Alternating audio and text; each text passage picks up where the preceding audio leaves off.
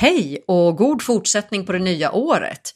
Anna Bril heter jag och är medlem i Svea Stockholm och har tidigare bott länge utomlands. Tillsammans med mig har jag Maria Schacki som är en ganska nybliven Svea och bor strax utanför Rom nere i Italien. Vi har alla sådana förhoppningar på det här nya året, eller hur? Ja, nu vill vi alla lägga 2020 bakom oss, även om allt trevligt som hänt online var ju en oväntad positiv effekt, eller hur? Ja, jag tänker till exempel på Sveas alla online-föreläsningar.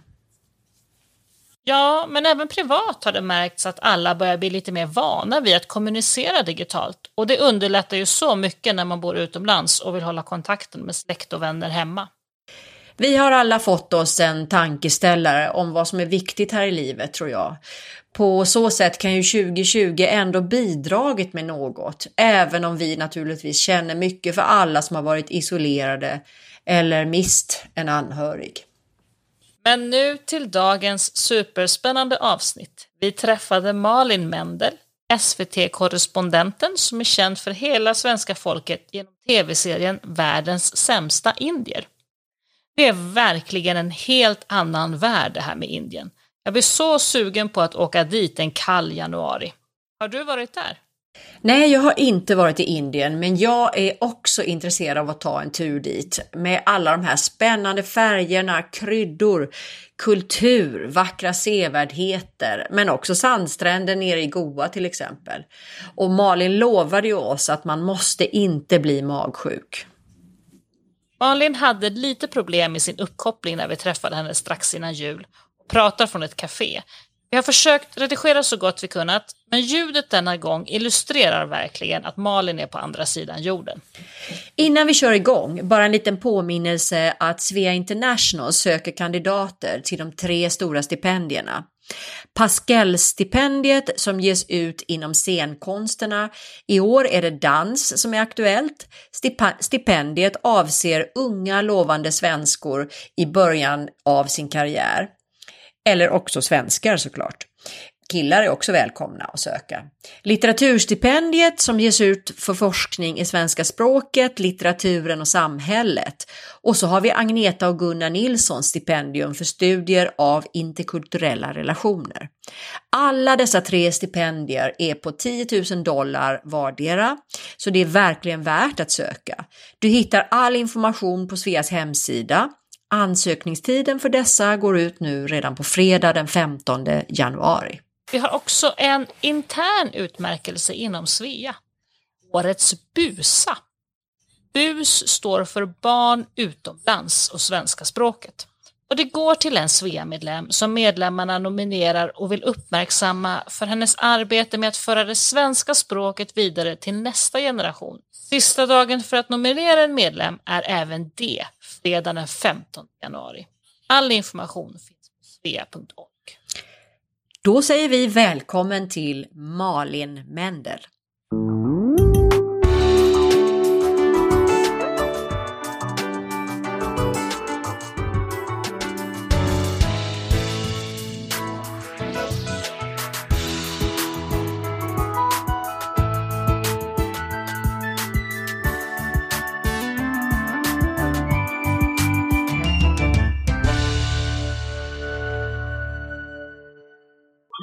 Heter Malin Mendel. Jag sitter eh, vid havet i Indien eh, där jag är och spelar in reportage just nu.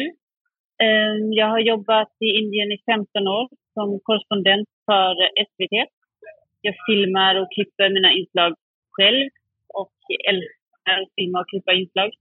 Eh, men jag älskar också att jobba ihop med andra och det får jag göra i tv-serien Världens sämsta Indien som jag leder ihop med David Batra nu är jag faktiskt här och rekar lite på inför den tredje säsongen som vi ska spela in. Och sen är min stora hobby och passion eh, här i livet är indisk mat. Jag har gett ut tre kokböcker med indisk mat, men som är lite mer än kokböcker. De handlar också om yoga och klimatet och eh, hälsa och sådana saker. Eh, och så har jag en älskad man och två älskade barn som just nu är hemma i Sverige som jag saknar jättemycket. Hej Malin och varmt välkommen till Sveapodden. Så jätteroligt att få resa till Indien idag och få träffa dig. Men just idag är du inte på din vanliga plats Bombay utan du är, ska du berätta vad du, det kanske du redan sa, men berätta vad du är. Eh, nu är jag i eh, delstaten Goa eh, som säkert många svenskar förknippar med stränder och palmer och eh, turistresor. Eh, och det är just därför jag är här, för eh, turistindustrin har ju drabbats enormt av corona och det är det jag ska göra reportage om. Berätta lite mer om Goa. Det ligger i södra Indien. Är det en ö eller är det vid kusten eller hur är det? Det är vid kusten. Det är Indiens minsta delstat. Ganska många kristna finns här. Mycket kyrkor och färgglada hus. Portugiserna hade koloni i Goa fram till 60-talet. Eh, och det märks på maten och, och människor och ja, religionen framför allt. Så just nu, just nu är det ganska lugnt där på grund av corona menar du? Eh, av, man skulle kunna tro att eh, Goa är ganska lugnt nu eftersom eh, eh, internationella turister inte får komma till Indien. Men eh, det är faktiskt mest inhemska turister i Goa. Av 8 miljoner så är det 7 miljoner indier och en miljon utlänningar. Så det är full fart här mm. skulle jag säga. Vad härligt. Men du eh, Malin, berätta nu om det här med Indien och du kom ju dit eh, för ganska länge sedan första gången, 2005 tror jag det var. Och berätta hur ditt intresse väcktes för just Indien. Eh, jag tror det började med att jag bodde i eh, en stad som heter Lahore i Pakistan när jag var liten. Eh, min pappa jobbade för Volvo Bussar i, i Lahore en period, så vi var där hela familjen. Och jag är uppvuxen på en ö på västkusten som heter Tjörn som är inte så tätbefolkad direkt. Så det var ju en total chock att komma till Lahore där i början på 80-talet. Men jag älskade verkligen det och jag älskade maten som var kryddstark och alla färger och smycken och bling-bling och russel och en känsla av äventyr som jag älskar än idag eh, och hittar ganska lite väl mycket äventyr i, ibland. Men eh, Indien är bra på det. Men det började precis som du sa på västkusten i Sverige där, där du studerade internationella relationer och journalistexamen. Hur blev du intresserad av just journalism och internationella relationer? Hur hamnade du där? Uh, ja, men, uh, jag tror det också hänger ihop med Pakistan faktiskt. Uh, min, min pappa reste väldigt mycket i sitt jobb för Volvo och jag identifierade mig nog mycket med honom och ville också ut i världen. Jag ville liksom bli, jag läste mycket National Geographic och ville bli upptäcktsresande egentligen. Men sen fattade jag att det var inte så mycket kvar man kunde upptäcka på det sättet i världen. Eh, och då passade internationella relationer och journalistik ganska bra. Det är ju någonting liknande liksom. Du, eh, du bor ju nu då i Bombay till vardags.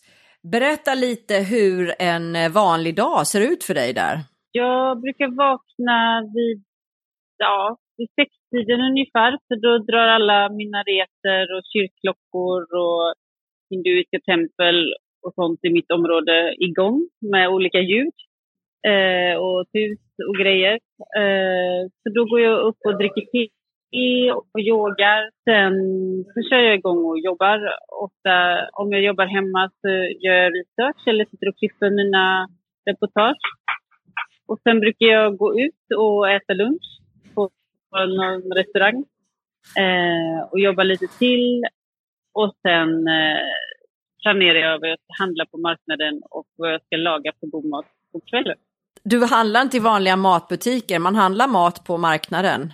Ja, om det är grönsaker och kryddor och så, så är det på marknaden oftast. Och då måste jag ju ställa den här vanliga frågan, blir man sjuk av att äta mat i Indien eller hur är det? Nej, alltså det, det kan man ju verkligen bli. Jag har blivit det några gånger rejält. Men nu är säkert kanske åtta år sedan jag var magsjuk och jag är ändå, alltså när jag ringer hem till Sverige så ligger folk och har så här vinterkräksjuka och så mycket, mycket mer än vad jag någonsin är sjuk när jag är här.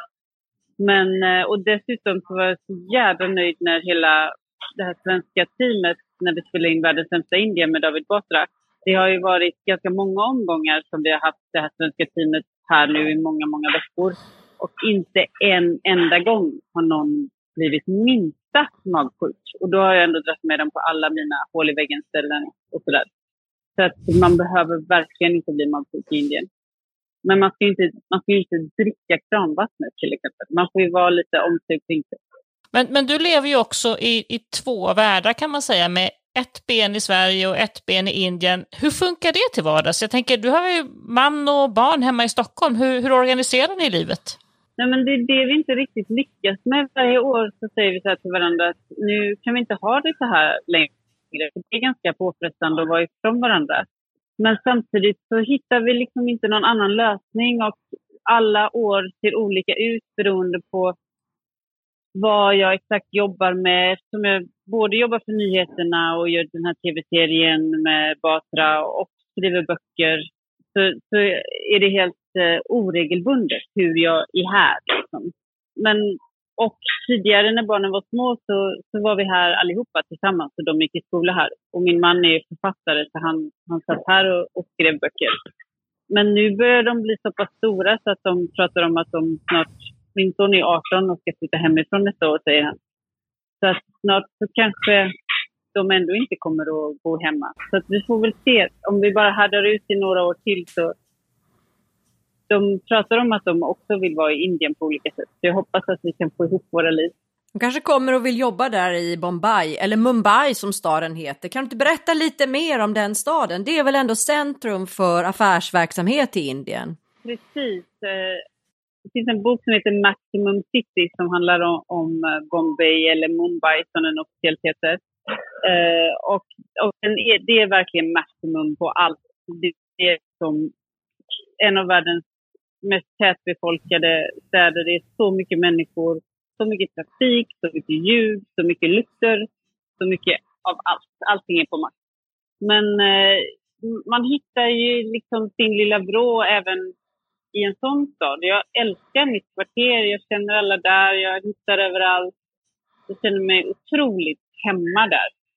Och det är en del av, av Bombay som är väldigt eh, multireligiös. Det finns tempel, moskéer, kyrkor och alla möjliga olika sorters människor. Och det är verkligen den grejen som jag älskar med Indien, att, att det finns en tradition av samexistens där olika ja, men olika grupper ger och tar lite av varandra. Liksom. Du som svensk, eh, när man tänker på Indien så ja, det öppnar sig ju en hel eh, värld med grejer man tänker på. Men, men eh, man, det finns ju tankar runt det här med klasskillnader, föråldrad kvinnosyn, våldtäkter mot kvinnor, fattigdom, klimatpåverkan.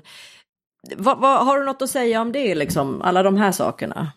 Ja, men jag, jag tror att vad, vad det än gäller så, måste man ha med sig att Indien har nästan 1,4 miljarder människor. Det är en sjättedel av världens befolkning. Så det är så oerhört svårt att säga egentligen något generellt om Indien. Ibland det rapporteras kan det vara att ja, det, det sker en våldtäkt var, varje kvart. Men liksom, vad säger det när vi pratar om en sjättedel av världens befolkning? Att det, det kan bli liksom så hisnande siffror ibland. Men sen så är de här fruktansvärda våldtäkterna som det har rapporterats om de senaste åren har ju även jag rapporterat jättemycket om. Så kvinnors situation är nog det jag har rapporterat allra mest om. Olika vinklar på liksom. Men eh, även där är det ju, det finns ju massa människor som mina vänner som lever precis som jag gör och som kanske inte är gifta eller har valt att inte skaffa barn eller reser i sina jobb och ja, vanlig sådär övre medelklasstillvaro liksom, som ganska lik en svensk. Men att det finns kvinnor i byarna som jag försöker intervjua och det går inte för att när jag ställer en fråga till dem vad de tycker om någonting så kan de inte verbalisera ett svar på det för att de har aldrig någonsin i sitt liv blivit tillfrågade om vad de tycker om någonting som är bara någon dotter eller fru eller mamma. Eller de, de är inte en egen person som har en egen rätt att tycka någonting. Och då inser man att ja, det är så hisnande skillnader. Hisnande klasskillnader. Eh, ja. Är kvinnoförtrycket i Indien större än någonstans annan i världen? Någon annanstans i världen? Ja, men det sägs ibland att Indien är ett av världens absolut farligaste länder för kvinnor. Eh, och då har räknat på hur kvinnor överlever. Eh, och då tror jag att man även räknar in alltså, aborter på flickfoster till exempel. Det finns en väldigt stark eh, sonpreferens. Eh, så det sker sådana saker. Eh, och flickbarn dör oftare än vad eh, pojkar gör och så. Eh, men sen så är det ju jättemäktiga företagsledare, politiker och så som är kvinnor. Jag har precis bevakat en massa olika protester här mot eh, kolimporten i Goa. Och då är det liksom kvinnor som går först med liksom stora megafoner och, och liksom skanderar och tar plats verkligen. Så det, det är så många olika, och så många olika lager. Mm. Det är en så oerhört komplex fråga. Men, men självklart behöver det här landet förbättra situationen för kvinnor. Men hur är det för dig att jobba där som kvinna? Är det några problem eller har du lätt att ta dig fram och du är aldrig rädd och sådär? Det ska hända någonting? Nej, jag är väldigt sällan Jag tror att jag är lite inte sedd som en riktig kvinna. För att jag beter mig inte som jag ska göra. Jag liksom går med stora steg och pekar med hela handen och tar plats och bestämmer över folk vad de ska vara och. Och, liksom kommer med stativ och teknisk utrustning och, och grejer. Och, och är ju vit. Och det innebär att då har man automatiskt en hög status. Och status i det här fallet är viktigare än kön, tror jag. Hur, att man blir behandlad med respekt. Och hur ska man vara om man ska vara den perfekta indiska kvinnan, enligt dem? Eh, ja, men det beror jättemycket på vilken klass man tillhör eller religion och, och var man bor och sådär. Men eh, det, det, finns ju en stark hindunationalistisk rörelse i Indien som, eh, som vill som pratar om liksom vad som är det sanna Indien. Vad är indisk kultur, riktig indisk kultur och sådär. Och egentligen finns det ju inget sånt. Det är ju hur fragmentariskt som helst. Men eh, enligt dem så ska ju kvinnan vara hemma vid spisen och fostra barnen och sådär. Men det, det är inte en uppfattning som, som finns överallt. Liksom. Den finns. På det där med om jag är rädd eller inte, det, det är väldigt ofta jag, jag får den frågan också från folk.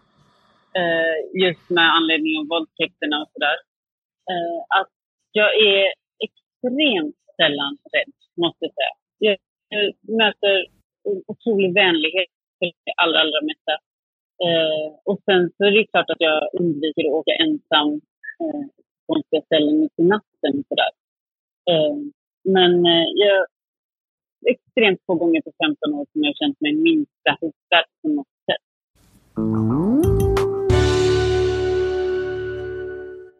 Men varför ska man gå med i Svea när man bor utomlands? Ja, men Svea är ju en otroligt trevlig och bra organisation.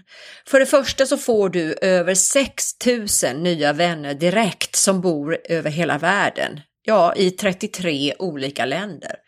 Och naturligtvis lokalt så får du ett stort utbud av fina aktiviteter via din lokala Svea-avdelning.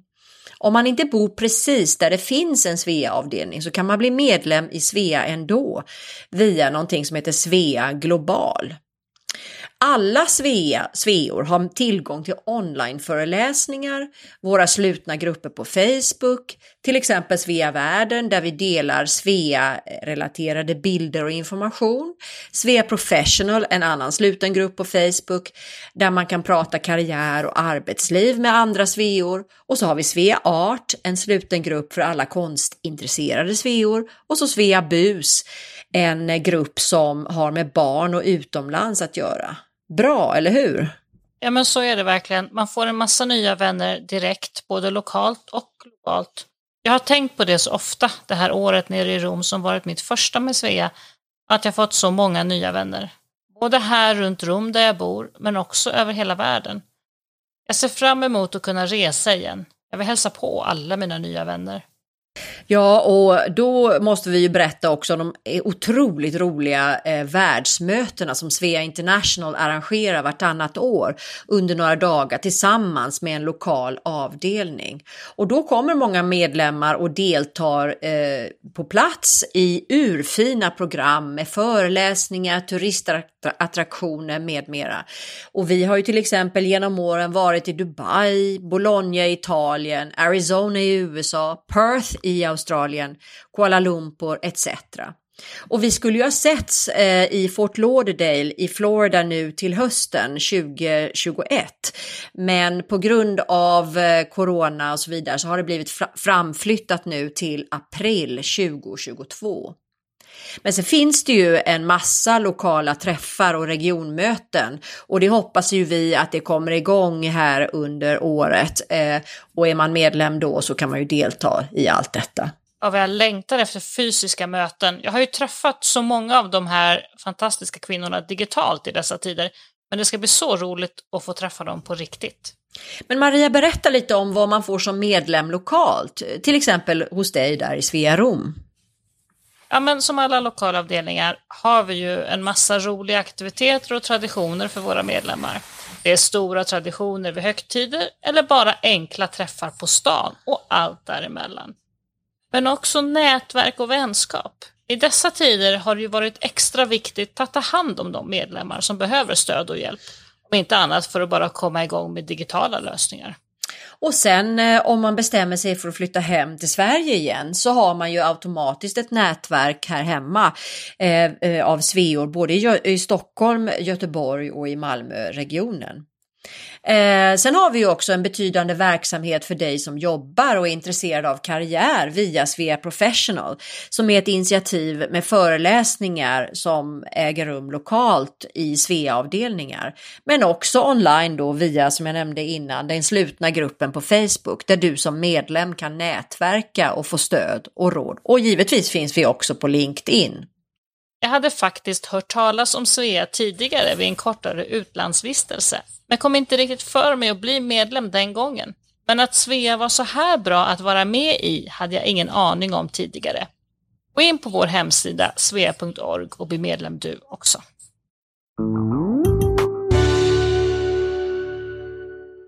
Men Indien står ju också för så väldigt mycket intressanta saker. Spännande kultur, färgstark mat, yoga, en växande ekonomi, turistattraktioner. Alltså vilket jättespännande land.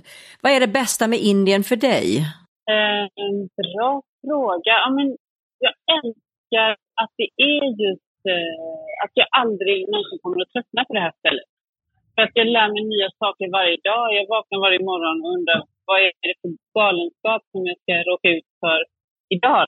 Det, det tar liksom aldrig slut. Jag lär mig nya saker om deras kultur, om vilka delstater. Det är, Indien är ju som tre Europa och alla delstater är ju nästan som egna länder i språk och kultur och allt det där. Så att eh, de har inte så mycket ett officiellt jag och ett privat, utan de är som de är. Det är väldigt lätt att, att liksom prata med folk och man blir hembjuden till folk och de är väldigt generösa och jag, jag känner mig sällan ensam här. Men om, om flera långa perioder utan familjen så, så är det väldigt välkomnande. Och vad är det du ibland blir trött på i Indien? Jag hatar att de kutar hela tiden. Alla bilar. och trafiken i sig hatar jag. Um, Ja, men sen, sen kan det vara en utmaning just när man är journalist och har deadline och så. Att, att, liksom, att folk ska komma i tid och att snabba på och liksom att nu, det måste vara klart nu. Vi måste göra det Att det är yeah, yeah. Det är liksom... Lite mer flytande? Allting flyter lite mer. Jag kan känna mig som en sån som tidsfascist ibland, men eh, det, det kan fortfarande bli tråkigt. Och att jag fortfarande alltid är i tid. Jag fattar varför jag fortsätter vara det hela tiden. Jag borde också bara slappna av lite och komma en halvtimme senare. Du, du, du bor ju där själv och, och, du har ju din familj i Sverige, men finns det fler svenskar där i Bombay och i Indien rent generellt? Är det mycket svenskar? Ja, men det är mer och mer, verkligen. Eh, när, när jag kom då för 15 år sedan då hade jag inte kontakt med någon. Men nu är det ju massa svenskar här. Det är Ikea och Ericsson och H&M och Volvo. Och det är liksom, vi har en svensk lista i Bombay på WhatsApp som är ganska aktiv. Där eh, vi tipsar varandra om olika saker. Och, ja, det är jättekul. Och de flesta är i Bombay då, eller var är de? Eh, det är ganska många också i Delhi och Bangalore och här i Goa är också ganska många. Eh, men annars vet jag inte. Det är nog inte så många i Calcutta och sådana ställen. Du har ju bott och arbetat ganska länge utomlands i olika länder. Hur har din syn på Sverige och kanske också relation till Sverige förändrats över tid? Ja, det är en bra fråga. Jag, jag kan känna mig som att jag, jag, jag kan få en kulturkrock när jag kommer tillbaka till Sverige faktiskt. När eh, jag åker från Arlanda och det är så tyst och grått eh, som det kan vara i Sverige. När jag kommer till huset, att, att man kan möta personer i trappuppgången som inte ens möter ens blick eller hälsa eller håller upp dörren eller någonting fastän man bor på samma gård. Och i Indien pratar ju alla med varandra hela tiden. Och när jag dimper ner i Bombay så är det liksom värsta halabaloo. Hallå madam, åh jag hjälper dig med väskan, Det vad länge sedan. Och liksom alla är sådär. Men alltså Sverige så är det, det är mycket mer reserverat. Eh, och när barnen var små så var jag helt förundrad över att ingen där skojade med dem och, och så. Att, samtidigt som känna sig slappnad av, att det är lugnt och att man kan gå ut i naturen och att det är tyst och det är rent och allt det där. Men jag är jätteglad att få vara i båda de här världarna. Jag älskar båda världarna jättemycket och stör mig på vissa grejer med båda världarna. Tror du att det beror på klimatet mycket eller är vi liksom väldigt olika indier och svenskar? Kanske är klimatet, att, att man är mera utomhus. Men jag tror också att det är, att det är så tätbefolkat och att det är så stora familjer och att det är allt alla har alltid folk runt omkring sig. Det är liksom, alla pratar, och kommunicerar ständigt med varandra på något sätt. Det är inte som vi i Sverige flyger runt och är i oss själva. liksom. Är det mer dynamiskt i Indien rent generellt, att det händer mer grejer än i Sverige? Jag vet inte, hur menar du? Jag tänkte kanske på affärs, äh, affär, affärer och att det, liksom, att, att det går framåt snabbare. Eller är det så att vi ändå är väldigt dynamiska trots att vi är så här lugna i Sverige? Ja, om, man tänker sig en, en vanlig indisk affär och på, på hur kösystemet funkar där. Så kan ju man som svensk egentligen inte se någon som helst ordning i det, utan det framstår som helt hållet random. Men när man har studerat det i några år så ser man ju att det är liksom den som har mest bråttom som, som kommer först och att, att det som vi upplever som kaos kanske till och med är effektivare. För att om någon står och fumlar efter sina pengar i hundra år, då tar han någon annan så länge samtidigt som han svarar i telefon och har en tredje på gång. Och det är liksom... Ja, det är två väldigt motsatta förhållningssätt hur vi, hur vi beter oss i en affär, i en kö, i en affär. Nu måste du berätta, du har ju skrivit kokböcker, tre stycken, och, och den allra senaste kom ut alldeles nytt, nyss, mitt indiska liv. Hur kommer det sig att du har skrivit kokböcker? Hur kom du in på den banan? Jag tror för att redan när jag bodde i Pakistan när jag var liten så, så blev jag liksom helt förälskad verkligen i sydasiatisk mat. För att den är så, ja, smakar så otroligt gott. Eh, och sen dess har jag liksom experimenterat. På den tiden fanns det ju inte basmati-ris och koriander och sånt i Sverige överhuvudtaget. Eh, och så när jag kom tillbaka till Indien långt senare så, eh, så var jag väldigt intresserad av deras mat och frågade folk hela tiden om, om indisk mat här. Och då eh, så, så förstod jag att det här var liksom det ultimata sättet att lära känna det här stället. För att när man äter i Indien, det visar så tydligt vem man är ens mat hänger ihop med ens identitet, vilken religion man har, var man kommer ifrån, vilket språk man pratar, om man är vegetarian eller inte, varför och allt det där. Så att min första bok använde jag maten för att utforska Indien. Och den andra boken så kopplar jag ihop yoga och magen och indisk mat eh, som, som är en väldigt tydlig koppling här eh, för hälsa. Liksom och i den tredje så utforskar jag hur yoga, filosofin och den indiska vegetariska maten, på vilket sätt den här kombinationen är oerhört klimatsmart och vad vi kan lära av det. Om, om man ska ta no, om man aldrig har lagat eh, indisk mat förut och ska välja något av dina recept, vilket är det bästa? Vilket ska man börja med?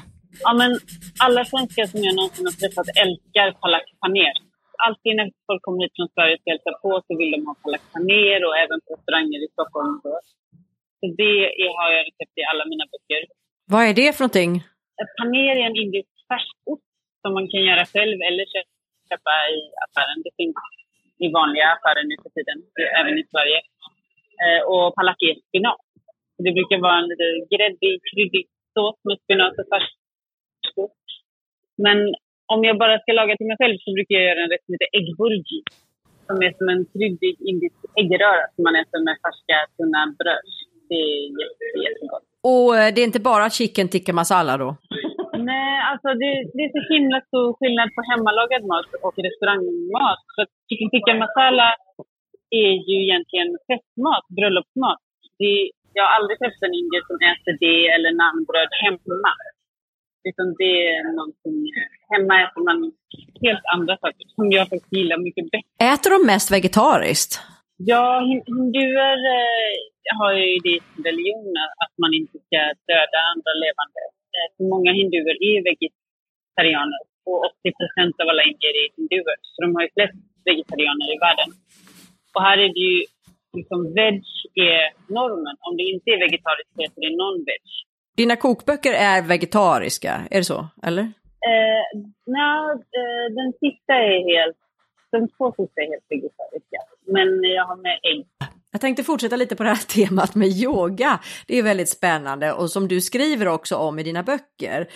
Eh, gör alla indier yoga? Och, och jag skulle också vilja fråga varför är yoga bra både för kropp och själ? Kan du berätta lite om det?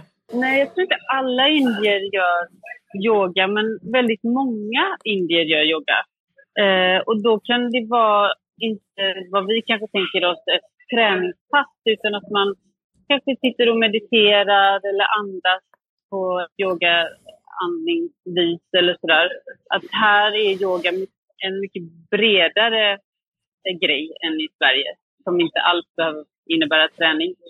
Eh, och din andra fråga var? Ja, va, hur är yoga bra både för kropp och själ? Jo, men det som yogan gör är att den är holistisk. Den skiljer inte på kropp och själ. Eh, och genom att andas så, så lugnar man ner själen och genom att röra kroppen och sträcka ut den flödar energierna och liksom även knoppen blir klarare.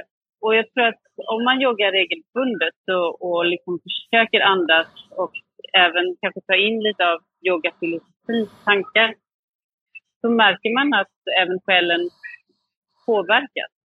Alltihop handlar ju om att hitta balans och ett lugn i, i det här irret som är inuti oss och runt oss. Hur ofta gör du själv yoga? Varenda eviga morgon. Jaha, går du på, tidigt på morgonen då när, innan du äter frukost eller? Ja, jag vaknar vid sex och då gör jag yoga hemma. Det får vi ta efter, det låter, låter som en bra idé. Men jag tänkte en följdfråga till det här med yoga. Hur kommer det sig att ett så andligt land som Indien som ändå är, jag förstår att yoga kommer därifrån och människor är relativt religiösa. Ändå så brottas man ju med väldigt stora humanitära problem. Eh, hur går det där ihop egentligen? Ja, det är en väldigt bra fråga. För att i hinduismen så får man ju inte skada någonting annat levande. Samtidigt så, och, eh, men så finns det ju det här kastsystemet i Indien. Som, eh, det är förbjudet att diskriminera på grund av kast. Men, men det lever ändå kvar att eh, vissa människor eh, eh som kallas kastlösa eller daliter som vi säger nu för tiden eh, anses liksom mindre värda eller till och med smutsiga av vissa. Och det, det är svårt att, att bli av med de föreställningarna. Eh, och att för mig är det ett mysterium hur, hur de här olika världarna kan existera parallellt. Du nämnde ju för en stund sedan den här populära tv-serien eh, Världens sämsta indier som du gjorde till, håller på med tillsammans med komikern David Batra. Eh, den är inne på andra säsongen nu, eller är den precis avklarad andra säsongen? Visst är det så? Ja, andra säsongen har sänts och vi har precis fått klart att vi ska göra en tredje. Så jag är här och pekar lite inspelningsplatser och det här, när, när den sändes där första säsongen, då fick ju du förra året eh, Stora Journalistpriset i kategorin Årets förnyare. Hur kom ni på den här idén då? För det verkar ju uppenbarligen vara en, en, en just en förnyande programidé. Eh, ja, men jag har länge känt att eh, jag skulle vilja göra utrikesjournalistik som inte är så traditionell, att man liksom står och rapporterar, nu händer det här och det här, utan mera bjuda in tittarna i vardagslivet. Att det finns så mycket mer eh, förutom den liksom, vanliga nyhetsrapporteringen. Och egentligen ville jag göra som min första bok att jag ville använda den indiska maten för att berätta massa saker om Indien. Um, och då frågade jag David om han eh, ville göra det programmet ihop med mig. Och det ville han. Men SVT sa nej. Och då eh, började vi fundera. Och då berättade David vid något tillfälle att hans pappa alltid mobbade honom så mycket för att han tyckte han var kass indier. Och att han till och med hade pekat på mig eh, när jag rapporterar i tv-rutan och sagt att kolla på henne, hon klarar av att vara där hur bra som helst. Du hade inte överlevt en dag. Så då blev det liksom startskottet till, till det här programmet när vi började tänka i de banorna.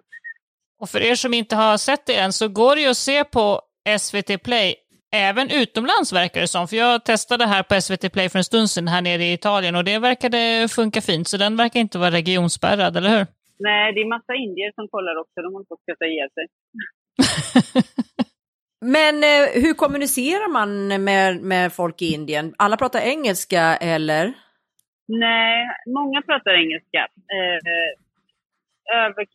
Indier pratar fantastisk engelska skulle jag säga de, det är deras första språk ofta och det de pratar på internationella skolor de går på. Eh, men sen så har ju eh, alla delstater, det finns ju över 20 officiella språk och hundratals, om inte tusentals, mindre språk och dialekter. Men jag pratar inte alls så bra hindi som jag önskar att jag gjorde. Det är ju det språket bredvid engelskan som, som pratas mest, så är det de två stora. Eh, men om man kommer som turist till exempel till Indien och går in på ett café som där du är nu när vi pratar här. Eh, pratar man engelska med dem då och de kan svara på engelska eller hur funkar ja, det? Ja, absolut. Det gör de verkligen. Alltså även eh, engelska är otroligt utbrett och är du på turistställen så pratar de absolut engelska. På tal om det där med turistställen du, vi vill ju också såklart ha lite rekommendationer här. Om man vill besöka Indien, när ska man göra det och vad tycker du att man ska besöka? Jag tycker man ska åka någon gång i december, januari, februari. Uh, i, I Bombay är det som det bästa svenska sommarvädret då. Så varmt och härligt på dagarna och lite svalt på natten. Uh, en klassisk julresa helt enkelt. Ja, precis. Uh, Bombay tycker jag är en jätte, jättehäftig stad, men man får nog eh, var inställd på att det är ganska ruffligt liksom, när, om man vill besöka Bombay. Vad menar du med det? Ja, men det är ju eh, det är otroligt mycket folk och liv och rörelse. Och det är inte som att man går runt och strollar och småpratar, liksom, utan man får vara beredd på att det blir åka av liksom, om man är där. Eh, men man kan kombinera det genom att åka kanske till Kerala eller Goa där man kan hitta fina stränder där det är lite lugnare och palmer och få allt det där. Och sen tycker jag Rajasthan i norra Indien är också otroligt coolt. Där är det mera kameler och turbaner och öken och man kan åka på, eller rida på hästar och eh, bo på gamla Maharajas slott och sådana saker. Härligt. Och du, eh, huvudstaden i Indien är ju ändå Delhi, eller New Delhi som man säger. Och där eh, tycker du man ska besöka Delhi? För jag läste någonstans att eh, att andas in luften i Delhi, det är som att röka 50 cigaretter. Stämmer det verkligen? Gör det det? är den huvudstad i världen som har allra, allra sämst luft. Om, om man kommer under vintern så skulle jag inte åka till Delhi. Det ligger ofta en grå smog över hela stan och det är ganska kallt och kargt och bittert. Det ligger rejält långt norrut. Så om jag bara åker till Indien för semester under, vår, under våran vinter, om man säger, då skulle jag skippa Delhi definitivt. Och där nere där du är nu idag när vi pratar här på Goa, vad har du för temperatur där idag? Här idag är det drygt 30 grader på dagen och 20 på natten ungefär. Ja, nu blir vi avundsjuka. Det här. låter ju som en perfekt julresa. Ja, jag tror att eh, jag la upp en bild på Instagram med min nya julstjärna från balkongen. Och jag fick otroligt många eh, utrop och like på denna bild. Om, speciellt från folk som någon gång har varit i Goa och firat jul. Att de blev sådär, åh, jag vill också dit. Och jag förstår verkligen det. Det är faktiskt helt underbart ställe att vara på. Och bara en sista grej här, hur är det med coronan då? Man, hur har du klarat dig själv eller har du? Nej, men jag, jag fick corona så fort jag kom hem till Sverige sist i början på mars. När allting mm. brakade lös. Och nu testade jag innan jag åkte om jag fortfarande hade antikroppar kvar och det hade jag faktiskt. Så det, det känns ju lite tryggt. Men annars så har ju många masker och när man ska ut och resa och sådär. Mycket, mycket olika regler. Men här i Goa är det faktiskt ganska stopp, skulle jag säga. Det låter underbart. Jag vill åka dit snart, tror jag. ja, ja, ja, ja. Nästa, jag, sitter, jag sitter och klurar på nästa jul här, ja. Eller hur? Mm. Men du, nu ska vi definitivt kolla tv-serien här med David Batra och dig. Det låter ju jättespännande och jag blir också väldigt sugen på att laga din goda mat. Ja, gör det. Mitt indiska liv, där finns massa tankar och recept. Men med det tror jag vi får tacka dig.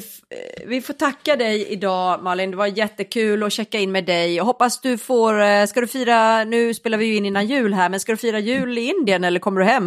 Nej, jag kommer inte hem förrän i slutet av januari. Så det är första gången någonsin jag firar utan familj i hela mitt liv. Tur är har jag ju vänner här, men det känns faktiskt lite konstigt. Vad ska du göra då på julafton? Jag är bjuden på julbord. Vad härligt, vad härligt. Men då önskar vi dig... Ah, kul. Men då önskar vi dig allt gott. Det var jättekul att få prata med dig idag och eh, hoppas vi får checka in med dig en annan gång i framtiden. Samma. Tack för att ni hörde av er. Ha det så bra. Ja, verkligen. Tack så mycket. Hej, hej.